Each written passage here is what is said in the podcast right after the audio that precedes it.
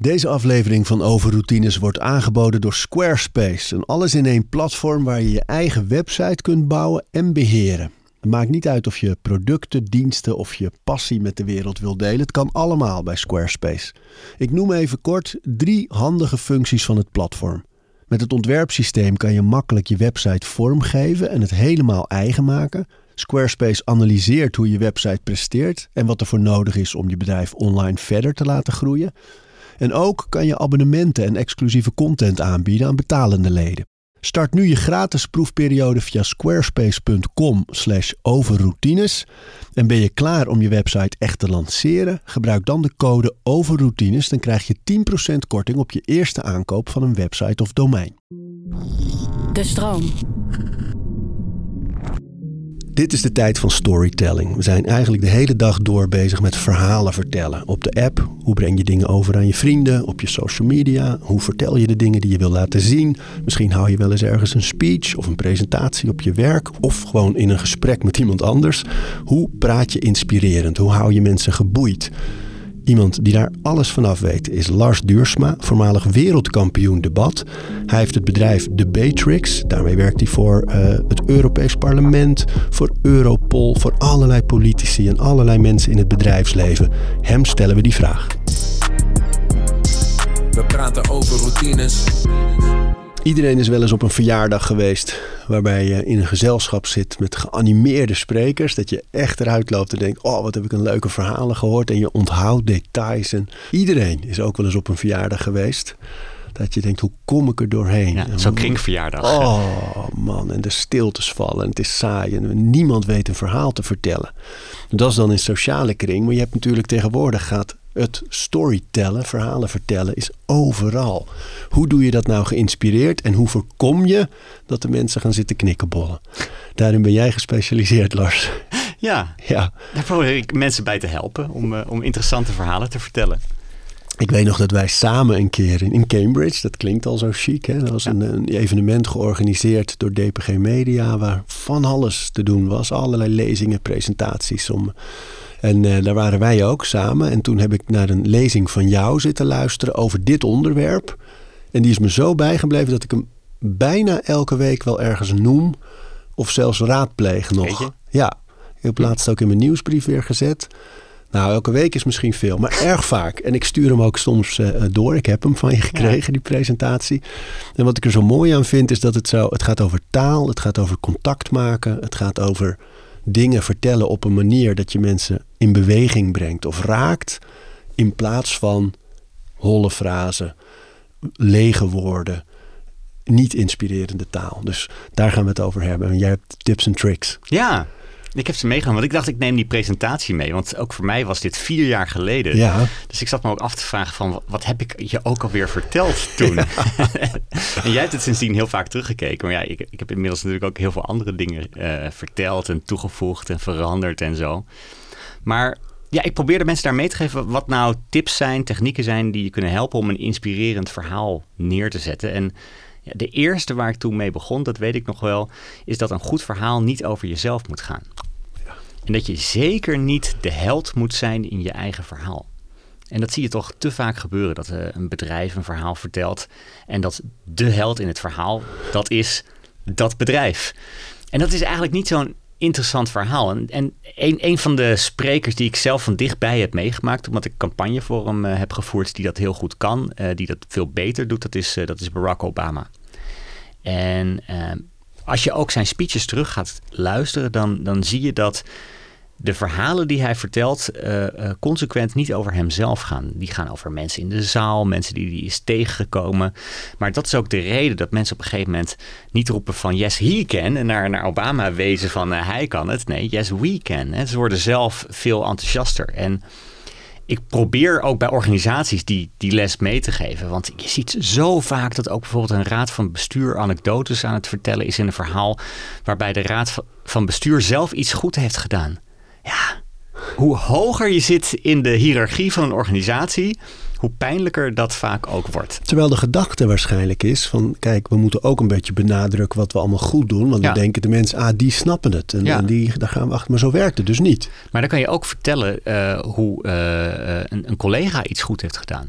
En die collega de held maken in je verhaal. Of wat ik bij organisaties heel eh, mooi vind, dat je eigenlijk de klant de held maakt in je verhaal. Dat jij als bedrijf iemand geholpen hebt om iets te bereiken.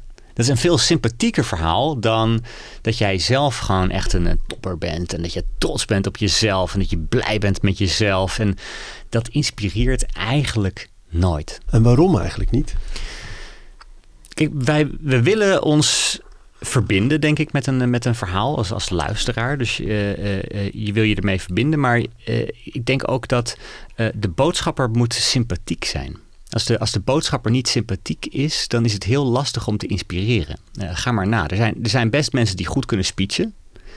Die ook interessante verhalen kunnen houden, maar niet automatisch sympathiek zijn. En als je iemand niet sympathiek vindt, dan is het volgens mij heel lastig om erdoor geïnspireerd te raken. Dan denk je misschien, het was interessant, maar het is, het is niet dat je denkt van, daar wil ik achteraan lopen of zo. Daar wil ik meer van weten. Is dat de afstand? Ja, ik denk dat dat een grote rol speelt. Dat je, dat je, je, je wil, uh, je wil uiteindelijk dat, uh, wil je iemand hebben die geïnteresseerd is in jou. En dat blijkt ook als je kijkt van waar, waar wordt uh, geloofwaardigheid bijvoorbeeld op gebaseerd. Dan geloofwaardigheid, dat wordt gebaseerd op of iemand het gevoel heeft dat jij weet waar je het over hebt. of jij betrouwbaar bent, dat is de tweede.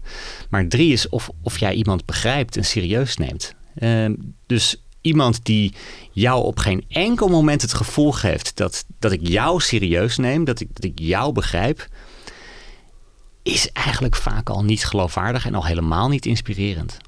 Dit, eh, thema uit jouw presentatie komt vaak bij mij terug als ik um, nadenk over socials bijvoorbeeld. Hm. Van, uh, mijn vrouw zei op een gegeven moment heel terecht van uh, de posts die je doet waar mensen echt iets aan hebben. Dus dat je kennis deelt op een manier van, oh, dit is, kan je in jouw leven ook doen. Dat is fijn. De posts die je maakt om te laten zien waar je zelf mee bezig bent, moi, zei ze heel voorzichtig. Ja, ik krijg ik wel eens kritiek op, denk ik, van, van mensen die niet de traditionele volgers van je Instagram-account zijn, maar oh, wel dat soort filmpjes dan gaan delen. Dat sowieso, dat sowieso. Maar ook bijvoorbeeld een hele heftige training is voor mij leuk. Dat vind ik ook leuk om op video te zetten, maar daar heeft niemand wat aan. Nee. En uh, kennis of uh, bepaalde inzichten delen waar je zelf iets aan gehad hebt op een manier van, oh ja, maar kijk, zo kun je dat ook doen, is, is veel sterker. Ja. En uh, dat heeft hier ook mee te maken volgens mij. Dat als je ook op een podium staat en je hebt het vooral over wat je zelf ervaren hebt of zelf kan. En dat is natuurlijk op de social media doet bijna iedereen dat een beetje van. Kijk, dit is mijn routine, ja. zo doe ik dat. En hier ben ik gekomen door dat. Maar dat werkt dus niet eigenlijk. Kijk, je kan wel informatie overbrengen. Ik, ik, ik, denk dat sommige mensen laten gewoon van zichzelf zien wat ze doen. En ik, het is niet per definitie fout natuurlijk. dat je gewoon laat zien van, uh, kijk, dit is hoe ik het doe. Want heel veel mensen willen dat, vinden het leuk om te weten. dus, dus je hebt heel veel podcasts waar mensen vertellen hoe hun week was. En ze hebben het vooral over zichzelf.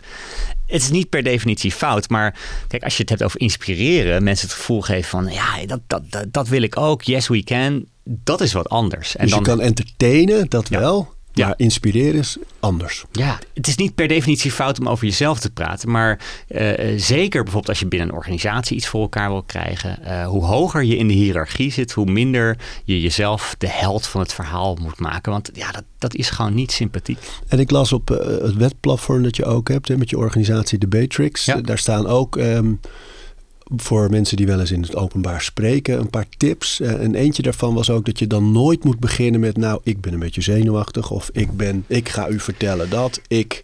Ja. Niet te veel met ik. Nee, en dat doen heel veel mensen. dus als je, de, als je bijvoorbeeld die, die start zou uitschrijven van veel mensen, dan, dan, dan starten de eerste tien zinnen met ik. ik vind het leuk om hier te zijn. Ik vind het. Uh, ik, ik, ik, ga jullie vertellen over. Ik vind het leuk als jullie vragen stellen. Ik, ik, ik, ik, ik. En uh, iets wordt ook al veel interessanter als je de ander centraal stelt. Dus als het niet gaat over jezelf, ik vind dat, maar als jullie een vraag hebben, stel hem gerust. Of als jij een vraag hebt, in plaats van ik, ik, ik, ik, ik. God, dat is een goede tip, hè? Hm. Dat gaat zo vaak fout. Ja, nou ja, dat, en, en, en ook als je bijvoorbeeld, als je, kijk, soms kan het heel ontwapenend zijn als je over je eigen zenuwen begint. Hè? Dus het, het, is ook niet altijd fout. Maar je stelt wel direct jezelf centraal. En de grap is dat als je er zelf niet over was begonnen, dan hadden de meeste mensen het waarschijnlijk niet eens gezien. Hè? Dus, dus je maakt iets ook direct wel een ding door het direct over jezelf te hebben. Zo. En terug naar de, de, de, lijn die je net inzette. Hè? Van het, uh, je kan dus inspireren. dan gaat het allereerst moet het gaan over het verhaal. De, Ja. de anders moet Ja. centraal staan in het verhaal, niet jij te veel. Ja. En de volgende, Ja, ehm, dan gaat het ook natuurlijk om de taal die je gebruikt. En Er is een fascinerend eh, onderzoek gedaan naar het verschil tussen charismatische sprekers en saaie sprekers. En wat hier, blijkt, hier zijn we terug op die verjaardag. Ja, wat blijkt, eh, eh, de taal die die twee gebruiken is echt heel anders. En je ziet dat charismatische sprekers die gebruiken heel veel woorden die je kunt tekenen. En als ik hier om ons heen kijk, een camera, een tafel, een karaf met water, een laptop, een kop, een microfoon. Dat zijn allemaal dingen die je kunt zien, die je kunt tekenen. Maar saaie sprekers die gebruiken allemaal woorden die je, die je niet kunt tekenen. Ik heb toen ook een hele slide laten zien met alleen maar taal van saaie sprekers. Dus dan Dan heb je het, er eens bij. ja, dan heb je het over eh, achten, afwegen, begrijpen, begroten, bepalen, berekenen, beslissen, betekenen. Of zelfstandige naamwoorden. Dan heb je het over definitie, geschiedenis, gevolg, herformulering. En allemaal dat soort taal. En je ziet dus ook dat. Ik maak regelmatig zelf ook van die, eh, van, die, eh, van die presentaties mee. Waarbij mensen gaan zeggen dat we de alternatieven moeten bestuderen. om te komen tot een betere formulering van onze kern eh, of KPI's. Zodat de diversificatie van ons beleid kan leiden tot een herinterpretatie van de toekomstgerichte logistieke modellen. Waarbij de overweging karakteriseert hoe we dit herdefiniëren. Ja, Wauw, ja. twee dingen. Hè? Dus de spreker zelf vindt het vaak minder interessant om te vertellen, maar ook eh, een publiek vindt het veel minder interessant om aan te horen. Dus de kunst is vaak wel om ja, woorden te gebruiken die mensen kunnen zien. En ehm, er staat bijvoorbeeld ook op deze lijst wetenschap. Dat, dat woord gebruik ik wel eens van. Kijk, betekent dat dat je het niet over wetenschap mag hebben? Natuurlijk niet.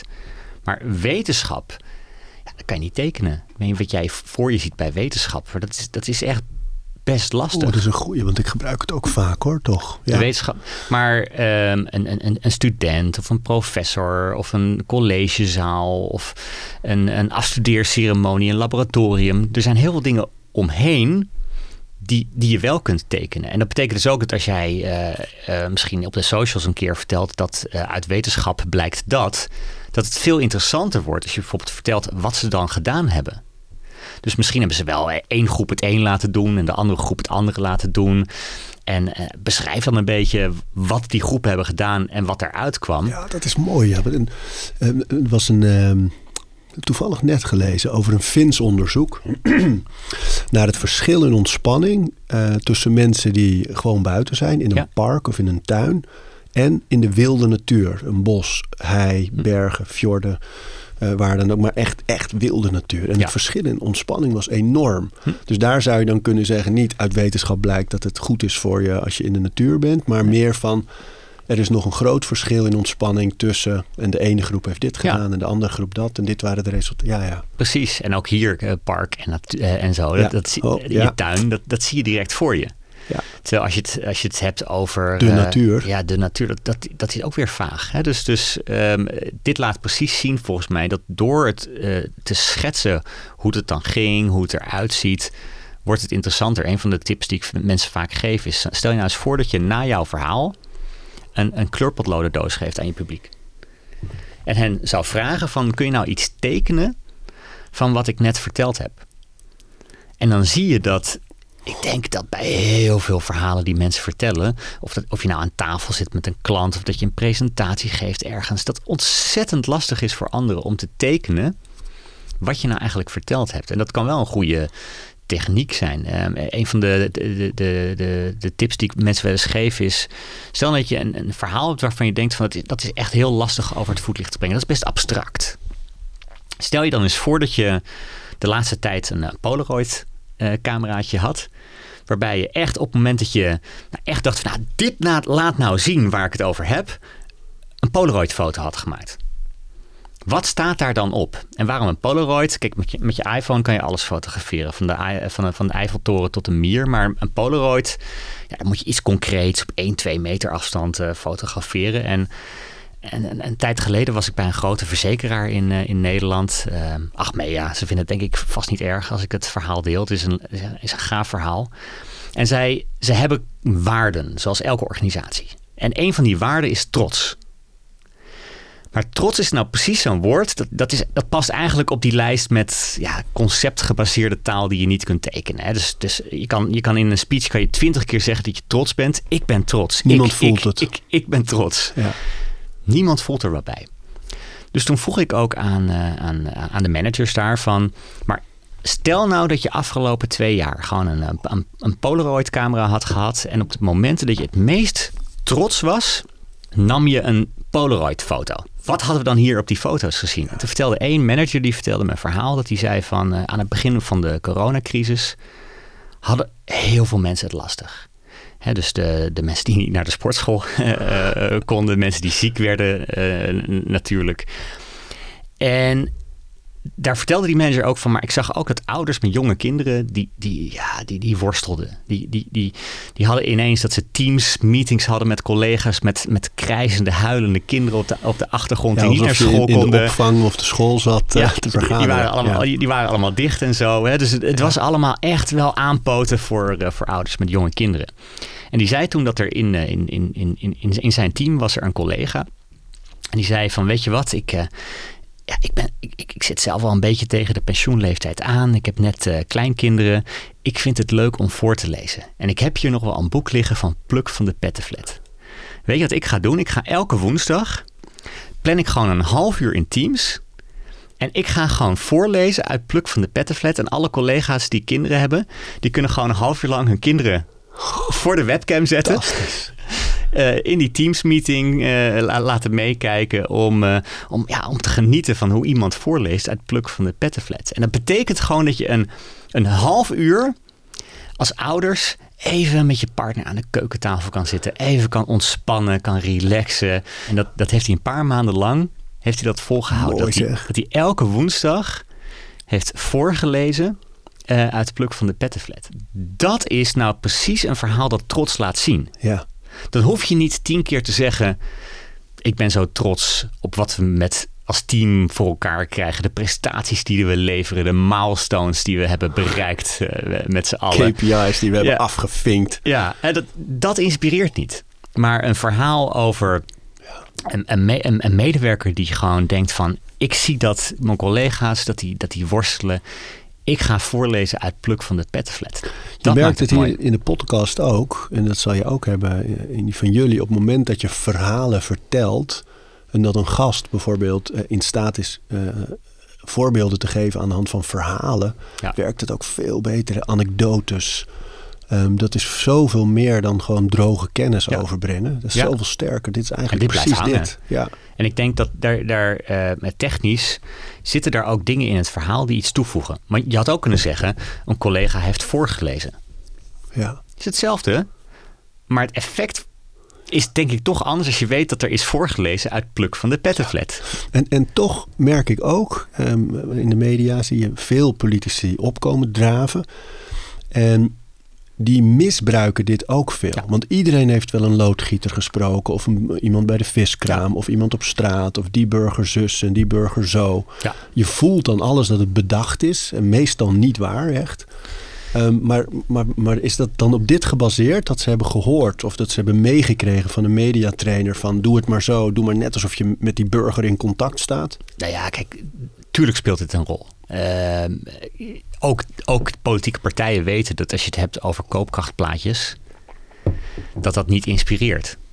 En zij weten ook dat als je eh, eh, beeldende taal gebruikt of mooie verhalen vertelt, dat dat meer inspireert. Je ziet wel dat als steeds hetzelfde trucje wordt toegepast, dan is er een beroepsgroep en een voornaam. Dus dan is het in Joost de vrachtwagenchauffeur. Of dan is het Bram de bakker. Joe de Of, plumber. eh, Joe de plumber, hè, dus de loodgieter.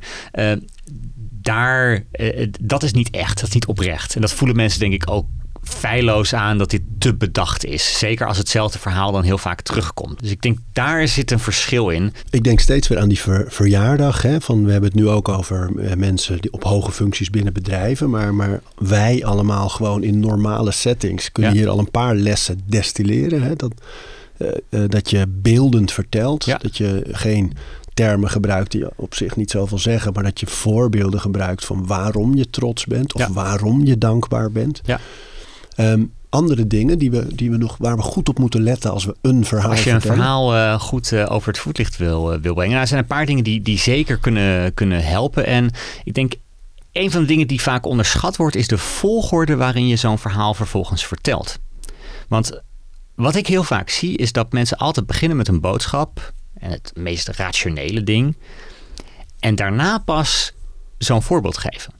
Dus stel je eens voor, je, we pakken even dat, dat, eh, dat moment net van, eh, van pluk van de pettenflat. Wat je dan heel vaak zou zien in Nederland is dat mensen dan zeggen: Ik ben heel trots op jullie. Laat ik een verhaal vertellen om te laten zien waarom ik zo trots op jullie ben. En als je dan vervolgens dat verhaal gaat vertellen, ja, dan is de helft van de impact al weg. Want je weet al precies hoe het een functioneel verhaal is. En je wordt helemaal niet in dat verhaal eh, gezogen. Terwijl wat ik altijd mensen vertel is: probeer die volgorde nou eens om te draaien. Vertel een verhaal en kom daarna pas met je conclusie. En dat zie je bijvoorbeeld bij al die mensen die PowerPoint-presentaties geven. Die, die, die maken hier volgens mij echt precies dezelfde fout elke keer weer. Je hebt een aantal bullets op zo'n, op zo'n slide staan. En dan geven mensen eerst die bullets. En dan zeggen ze op een gegeven moment: laat ik daar een voorbeeld van geven. Laat ik dat proberen te illustreren. Maar dan is de helft van de impact al weg. Dus begin niet met dat rationele. Begin juist met dat voorbeeld. En uh, pak dat voorbeeld en enthousiasmeer mensen door dat verhaal te vertellen. En als het echt een heel goed voorbeeld is, dan hoef je soms niet eens de conclusie te trekken. Nee, mooi zeg. Want als jij dat verhaal vertelt over het pluk van de pettenflat, voegt het nou echt iets toe als je daarna het zinnetje toevoegt en daarom ben ik zo trots op jullie? Nee, nee. Dat is zo leuk. Schrijvers doen het ook vaak bij hoofdstukken. Dat er een anekdote is aan het begin. Ja. En dan pas de kennis. Non-fictie. Ryan, Ryan Holiday doet dat bijvoorbeeld in zijn boeken. Ja. Stevast. Mooi verhaal. Geschiedenis. Setting. En dan pas de kennis. Ja. Echt heel mooi opgebouwd. Ja, dat werkt. En zeker ook aan het begin van een verhaal bijvoorbeeld. Hè? Want je, je kan dit halverwege je, je verhaal kan je dit doen. En ik denk dat je heel vaak inderdaad dus die conclusie ook weg kan laten als het echt een goed verhaal is. Maar eh, ik raad mensen ook altijd aan als ze bijvoorbeeld een presentatie geven. Begin nou met je gaafste, mooiste, leukste voorbeeld. Want het publiek heeft er direct zin in. Maar jij komt ook in je flow. Want als jij heel vaak beginnen mensen met de saaiste dingen uit een hele verhaal. Dan gaan ze opbouwen naar een climax. ja, of, of, of ze ze beginnen met twee minuten lang eh, eh, ik ben dit en dan gaan ze zichzelf voorstellen. Nou ja, dat heb je al eh, 200 keer gedaan. Dus hoe enthousiast word je werkelijk als je jezelf moet voorstellen? Of, eh, of dan moet je verplicht van je organisatie eerst drie slides opnemen waarbij je je organisatie nog even pitcht. En wij, wij hebben vestigingen in 160 verschillende landen. Kijk eens hoe goed we zijn. Nou, daar word je helemaal niet enthousiast van. Dus begin nou met één pakkend voorbeeld wat wel leuk is. En soms kan je gewoon kijken van in mijn verhaal, wat is het leukste voorbeeld? Wat nou als ik dat helemaal naar het begin van mijn presentatie verplaats? Maar soms kan je ook nadenken van, maar als het onderwerp best saai en droog is, hoe kan je dan iets in het begin vertellen wat mensen wel enthousiast maakt? En ik, ik begeleide een keer een, eh, een, een, een dagvoorzitter die uh, een bijeenkomst begeleidde over risicomanagement in de financiële sector. Nou, dat is niet die. Ik weet niet of jij daar direct enthousiast van wordt. Maar risicomanagement in de financiële sector, daar word je niet direct heel enthousiast Nee, van, toch? nee. En toen zaten we te kijken, en dat is een van de dingen die ik altijd doe bij dit soort dingen. Van uh, op Wikipedia heb je een, een pagina van alle dingen die de dag, op een bepaalde dag, gebeurd zijn. Tegenwoordig kan je daar ook trouwens uh, ChatGPT voor gebruiken. Dus Ja. heel vaak als ik een, uh, een, een- iets voorbereid, dan vraag ik gewoon van ja, dit, dit is een presentatie, dit is het onderwerp, dit is de dag. Kom met 20 mogelijke aandachttrekkers. En je krijgt echt leuke suggesties vaak. Hè? Dus, dus daar kan je er al eentje uit, uit, uit kiezen. Fantastisch zeg. Maar dit was nog voor eh, het eh, ChatGPT-tijdperk. Dus ik keek op Wikipedia van wat waren dingen die die dag gebeurd zijn. En toen zagen we dat ehm, precies 90 jaar, geloof ik, zeg ik even uit mijn hoofd, voor dat evenement, de Titanic zijn eerste eh, vaart maakte. Hè? Dus vertrok uit de haven van, van, van Liverpool. En toen dacht ik, van, ja, dat is voor zo'n presentatie natuurlijk, voor zo'n dag is dat een cadeautje. Dus hoe die uiteindelijk begon als dagvoorzitter was door te beginnen met precies 90 jaar geleden. Was er iets waarvan iedereen zei, dat is too big to fail. Iets waarvan niemand zich kon voorstellen dat het ooit mis kon gaan. Maar precies 90 jaar geleden vertrok uit de haven van Liverpool de Titanic op haar eerste vaart. En we weten allemaal hoe het is afgelopen. Eh, Het, het was niet too big to fail. Het kon wel degelijk misgaan. En nu, 90 jaar later, zijn er opnieuw allemaal dingen waarvan wij met z'n allen zeggen: dat is too big to fail. Dat kan eigenlijk nooit misgaan. Maar het kan wel misgaan. En we moeten er rekening mee houden dat het mis kan gaan. En daarom zijn we vandaag bij elkaar om te gaan praten over risicomanagement in de financiële sector. En dat is dan ook zo dat je daar meteen een routine geeft of een ritueel eigenlijk voor sprekers of voor iedereen die een verhaal wil vertellen. Dat je gewoon even zo simpel als op Wik- Wikipedia kijken wat is er vandaag in de geschiedenis allemaal op deze Ja. dag gebeurd. En dan heb je al iets. Heb je heel vaak heb je iets leuks al. Oh man. En, en wat ik er hier leuk aan vind, is dat je doordat je iets doet met de dag of met de locatie of met de groep, laat je ook direct zien dat je het gewoon serieus hebt voorbereid. Dan denk ik dat je een veel betere indruk wekt als je gewoon op een leuke, speelse manier ehm, ehm, iets gebruikt wat past bij het onderwerp, waarbij je direct ook laat zien van dit is niet mijn standaard eh, rieltje wat ik altijd vertel, want het is echt deze dag 90 jaar geleden. Specifiek voor jullie opgezocht, tijd Ja. ingestoken, aandacht gegeven. En, dan- en direct heb je de groep. Dit gaat ook over de volgorde waarin je verhalen vertelt. Eh, ehm, ik vond het ook zo mooi in jouw presentatie dat de volgorde van de woorden in een zin zelfs. En toen, je kan van Trump vinden wat je wil. En Ja. hij staat redelijk loodrecht tegenover hoe ik zelf over de wereld denk. Maar we kunnen wel iets van hem leren. Ja, nou, heel veel. Ja. Ik, ik denk, ik denk dat, eh, eh, we hadden het net over dingen die beeldend zijn. Ehm, Trump maakt alles wat hij zegt beeldend. Dus hij heeft het niet over een grens. Want een grens, dat, dat kan je niet tekenen. Hè? Teken maar, hier is, hier is een kleurpode- eh, kleurpotloden eh, doos. Wat ga je tekenen? Een lijn op een kaart of zo? Dat- Dus een grens kan je niet echt voor je zien. Hij heeft het over de muur. Oh man. Een muur kan je voor je zien. Dus hij gebruikt natuurlijk ook die lessen ehm, ehm, eh, heel, heel goed. Maar ook volgorde. Daar, daarom begon ik er toen in eh, Cambridge over. Volgorde heeft, hij heeft echt een gevoel voor de beste volgorde van woorden in een zin. En een van de dingen die hij consequent doet, is hij eindigt zinnen met zijn krachtigste woord. Want in Nederland hebben we de neiging om allemaal werkwoordsvormen achter elkaar te zetten aan het einde van een zin. Dus dan zeggen we bijvoorbeeld dingen van: het, het, is cruciaal dat dit gedaan moet kunnen worden. En dat is eigenlijk al een zin die Ja. uitgaat als een nachtkaars. Hè, dus dat het gedaan moet kunnen worden. Nou, ja, nul impact.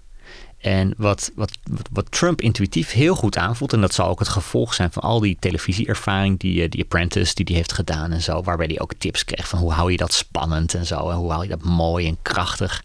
Een van de dingen die hij daaruit heeft gehaald, is dat hij de krachtigste woorden uit een zin aan het einde zet. Dus hij zou in dit geval zeggen van dat het gedaan moet kunnen worden, is cruciaal. En alleen al door dat, dat krachtigste woord helemaal aan het einde van de zin te zetten, is de impact veel groter. Ja man, je voelt het bijna. hè? Ja. ja. Zo. En dat, dat moet je niet bij elke zin doen. Want dan wordt het heel gemaakt en getrukt en eh, komt niet lekker over. Maar ik zie dat eh, gewoon als je een verhaal vertelt en je wil afsluiten met een mooie, mooie one-liner. Of je wil halverwege gewoon wel dat, dat een bepaalde zin goed landt. Hè. Soms heb je zo'n zin waarvan je denkt, dit is wel belangrijk. Ik wil dat dit gewoon landt bij mijn publiek. Kijk eens of je ook kan spelen met die woordvolgorde. Waarbij je echt belangrijke woorden aan het einde van de zin zet. Want dan heeft het impact. En je ziet dus dat met name in Nederland, maar ook in Duitsland heb je, heb je ook de, de neiging om werkwoordsvormen aan het einde van de zin te zetten. Dat is echt taalafhankelijk. Dat is in andere landen weer anders dan in het, eh, in het, in het Nederlands. Maar dat, dan werkt het echt goed om gewoon te eindigen met iets krachtigs. Zeker als je op dat moment ook oogcontact maakt. Want ik zie dat mensen aan het einde van de zinnen heel vaak dan ja, naar een blaadje kijken of naar een slide al beginnen te kijken.